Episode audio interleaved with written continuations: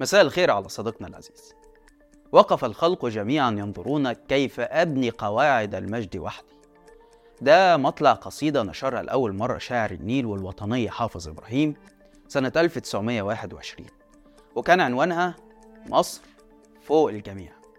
أشاد فيها بمجد بلده وعظمتها في الشرق وجعل مصر تتحدث عن نفسها وتاريخها بكبرياء وعزة. وتباهي العالم بما قدمته من علم وحضارة ورجال وتضحيات. قبل ما يصورها وهي بتستنجد بأبنائها اللي طلب منهم الخروج من حالة العبودية للحرية الكاملة ومجد تضحياتهم وصبرهم وأوصاهم بتوحيد الكلمة ونبذ الشقاق في رسالة واضحة وقتها للجهاد والنضال ضد المحتل الإنجليزي. لسوء الحظ فالقصيدة دي كانت واحدة من أقوى الأسلحة الدعائية اللي استخدمها ضباط يوليو في الترويج للنظام العسكري من سنة 1952 ولحد النهاردة.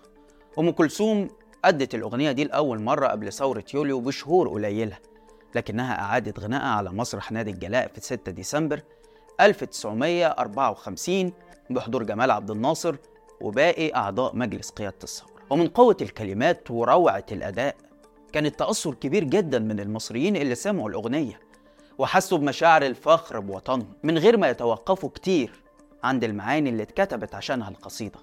واللي منها كلمة حافظ إبراهيم على لسان مصر اللي بتقول ارفعوا دولتي على العلم والأخلاق. النهاردة أو الأيام دي يعني شفنا رئيس لجنة الانتخابات بيستخدم كلمات نفس القصيدة وهو بيوصف المهزلة اللي عاشتها مصر على مدى الأسابيع الماضية وبيقول وقف الخلق جميعا ينظرون كيف نبني قواعد الديمقراطية؟ مش عارف الحقيقة لو حافظ إبراهيم اللي توفى من 92 سنة لو كان عايش دلوقتي وسمع الكلام ده كان رد فعله هيكون إيه؟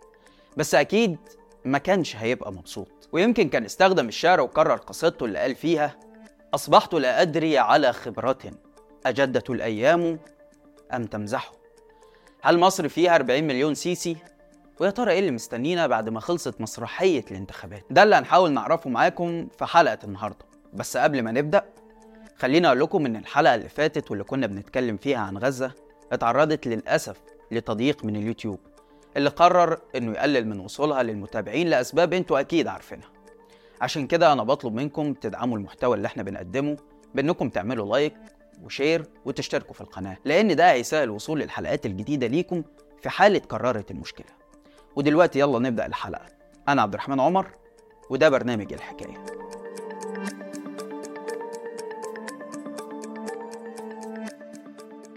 السيد عبد الفتاح سعيد حسين خليل السيسي وشهرته عبد الفتاح السيسي. 39 مليون 702 ألف 451 صوتا فوقف الخلق جميعا. ينظرون كيف نبني قواعد الديمقراطية. أهلا بيكم. لو انت بتلعب كرة كل أسبوع مع أصحابك وعددكم عشرة مثلا فالسيسي عايزك تصدق إن سبعة منكم شاركوا في الانتخابات وستة من السبعة دول ادوا له صوتهم. بينما واحد منهم ادى صوته لمرشح تاني سواء حازم أو زهران أو يمامة.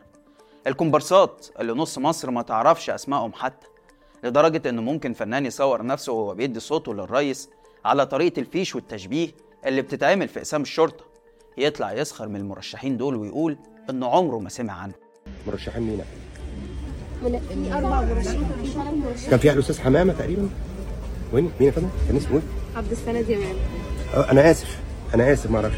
الأستاذ عبد السند حما... آه، يمام السيسي عايزنا نصدق إن نسبة المشاركة وصلت 67% وإن 45 مليون مصري من 67 مليون ليهم حق التصويت شاركوا في الانتخابات. وإن 40 مليون منهم ادوا صوتهم للسيسي. يعني مصر فيها 40 مليون سيسي. طب ليه مش ممكن حد يصدق الأرقام دي حتى لو كان مؤيد للسيسي؟ نظرة سريعة كده على أرقام الانتخابات اللي عاشها المصريين في السنوات الأخيرة بتكشف لك الحقيقة.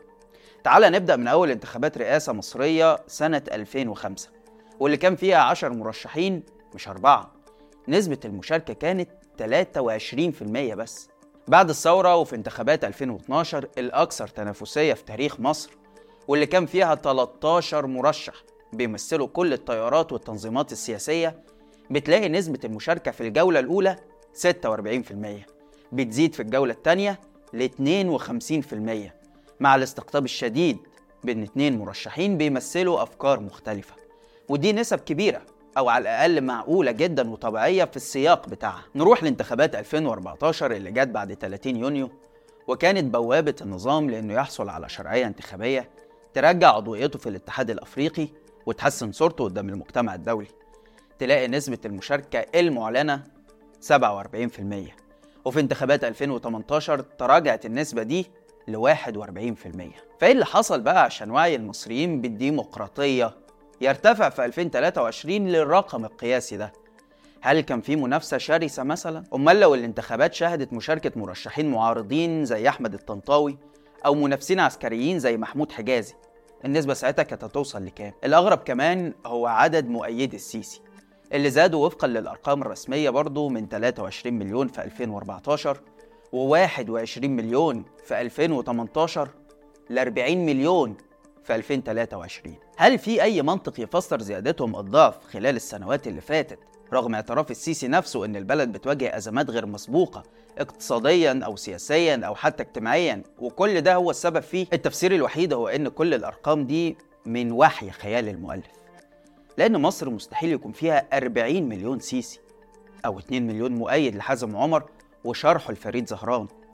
والأكيد بقى إن مستحيل مليون مصري يكونوا نزلوا من بيوتهم عشان يدوا صوتهم لعبد السند يمامه إنه يبقى رئيس الجمهورية. ده غالبا يمامة نفسه إدى صوته للسيسي. والدليل على كده إننا لسه في 2023 وخارجين من انتخابات متهندسة على مقاس الرئيس الاستثنائي اللي ما جاش ولا هيجي زيه.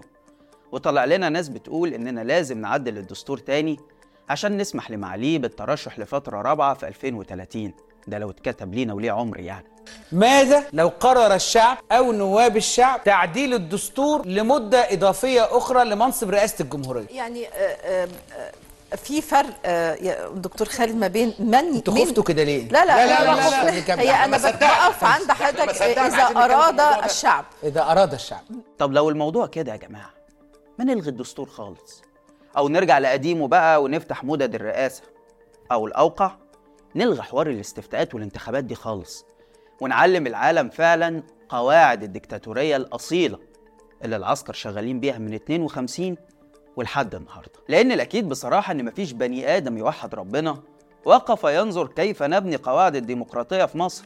هو ممكن يكون وقف ينظر كيف نبني الكباري في مصر. وده لأن وكالة رويترز نشرت خبر فوز السيسي تحت عنوان زعيم مولع ببناء الكباري يفوز بولاية ثالثة. وقالت إن الراجل ده مستبد سحق معارضيه وكل همه هو عمل مشاريع عملاقة بيشرف عليها الجيش بما في ذلك العاصمة الإدارية اللي تكلفتها وصلت 60 مليار دولار. وإن سياساته الاقتصادية تتمثل في تنفيذ شروط صندوق النقد وطلب المساعدات من دول الخليج باستمرار.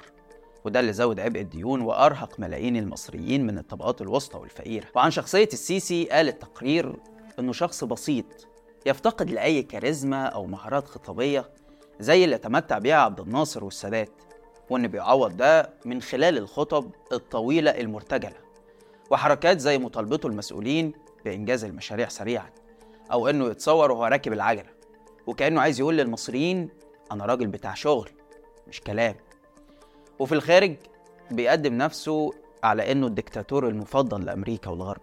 باعتباره مستعد يتعاون معاهم ويخدم مصالحهم في المنطقة خاصة في قضية فلسطين وحرب غزة. تقرير لخص كل جوانب السيسي. وفكرني كده بأبيات شعر الحافظ إبراهيم برضو لما تتأملها. تفتكر إنها مكتوبة النهاردة مع إنها من سنة 1907 بيقول فيها لقد كان فينا الظلم فوضى فهذبت حواشيه حتى بات ظلما منظما. تمن علينا اليوم أن أخصب الثرى وأن أصبح المصري حرا منعما. أعد عهد إسماعيل جلدا وسخرة فإني رأيت المن أنكى وآلما. عملتم على عز الجماد وذلنا فأغليتم طينا وأرخصتم دما. إذا أقصبت أرض وأجدب أهلها فلا أطلعت نبتا ولا جادها السما. نهش إلى الدينار حتى إذا مشى به ربه للسوق ألفاه درهما. فلا تحسبوا في وفرة المال لم تفد متاعا ولم تعصم من الفقر مغنما. فإن كثير المال والخفض وارف قليل إذا حل الغلاء وخيما. كلام أعتقد كأنه مكتوب النهاردة. لما يقول للحاكم إن الظلم كان قبلك موجود بس بشكل فوضوي. انت جيت نظمته وقننته وخلتنا عايشين في ظلم منظم اسقط ده بقى على حاجة زي العفو الرئاسي اللي السيسي اداه لعدد كبير من ضباط الشرطة اللي أدانتهم المحاكم بقتل وتعذيب مواطنين مصريين أو العفو عن واحد زي صبري نخنوخ وتقريبه من دوائر السلطة عشان يبقى واحد من اللي بيحموا النظام. كل ده إيه؟ ظلم بس بالقانون الورق سليم يعني. بعد كده بيقول له رجع لنا عهد إسماعيل اللي كان فيه جلد وسخرة ولا تمنش علينا وتقول لنا أنا اللي حررتكم أو أنا اللي بحميكم أو أنتوا من غيري ولا حاجة. لأن المن ده أكثر إيلاما وقهر بعد كده يدخل على جملة masterpiece زي ما بيقولوا وما تتقالش النهاردة غير للسيسي. لما بيقول للحاكم أنت بتعز الجماد وبتذل الشعب بتغلي الطين وبترخص الناس. ابني في عاصمة وطرق وكباري اعمل مشاريع عملاقة إن شاء الله تطلع القمر. بس طول ما انت مش بتبني الإنسان ولا يهمك إنه يعيش حر كريم ما يتهنش في بلده ماديا بالتعذيب والقمع أو معنويا بالعيشة الضنك والحياة الصعبة من فقر وحاجة. طول ما انت بتعمل كده الأرض مش هتثمر حتى لو كانت خصبة قبل ما يختم بأبيات تحس إنه كتبها بعد ما شاف السيسي بيقول كلمته الشهيرة الفلوس. أهم حاجة الفلوس. فيرد عليه ويقول له إن كثير المال قليل إذا حل الغلاء وخيمه.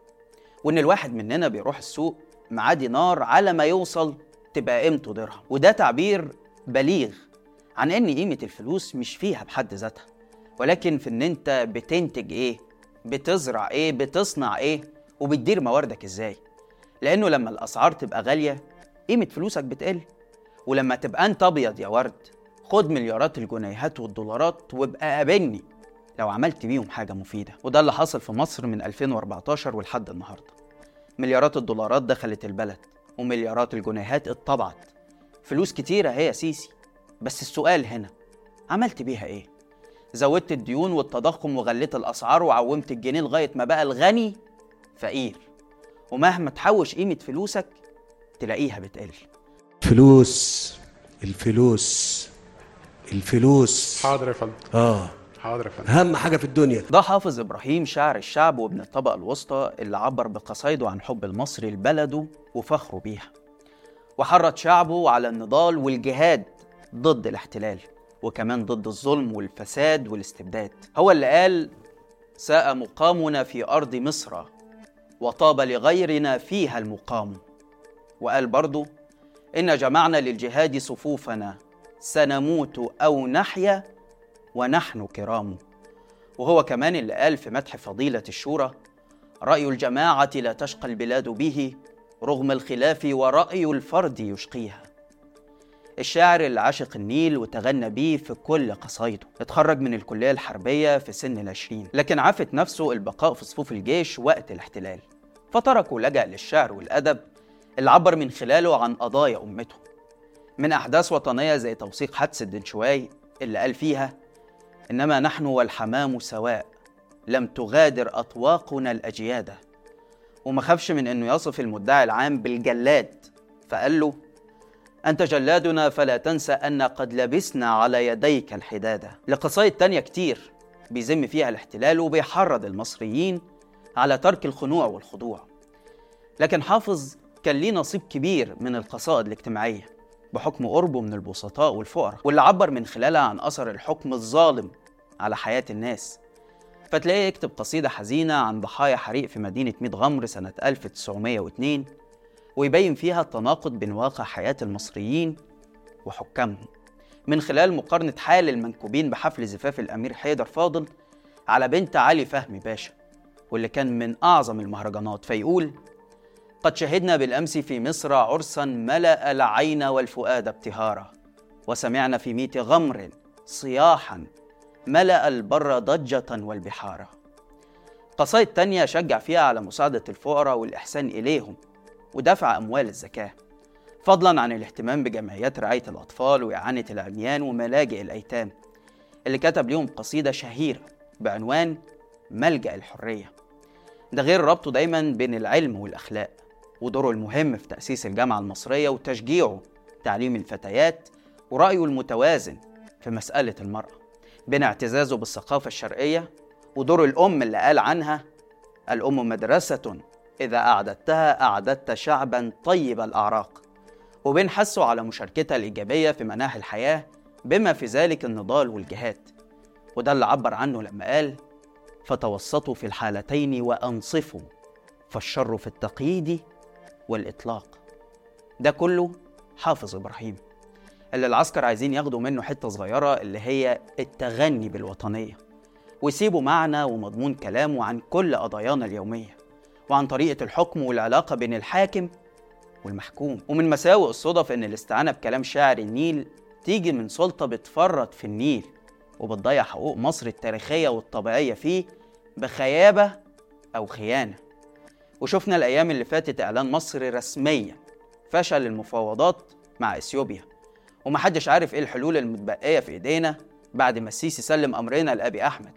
واكتفى منه بحلفان واتفاق مبادئ ما خدناش منه لا حق ولا باطل. وده الحقيقة واحد من أبرز الملفات اللي بتزود قلق المصريين من استمرار السيسي ست سنين كمان. مع دعوات البعض إننا نعدل له الدستور تاني وتالت ورابع عشان يغني الزعيم ويقول وقف الخلق ينظرون كيف أهدم قواعد الدولة وأضاعف ديونها وأفقر شعبها وأقمع وحدي. بس كده. لحد هنا والحلقة خلصت. شارك الحلقة لو عجبتك وتابع حساب شباك وحسابي على الإنستجرام هتلاقي اللينك في الوصف. واستنانا كل يوم اتنين وجمعة الساعة سبعة بالليل بتوقيت القاهرة في حلقة جديدة من برنامج إيه الحكاية؟ سلام.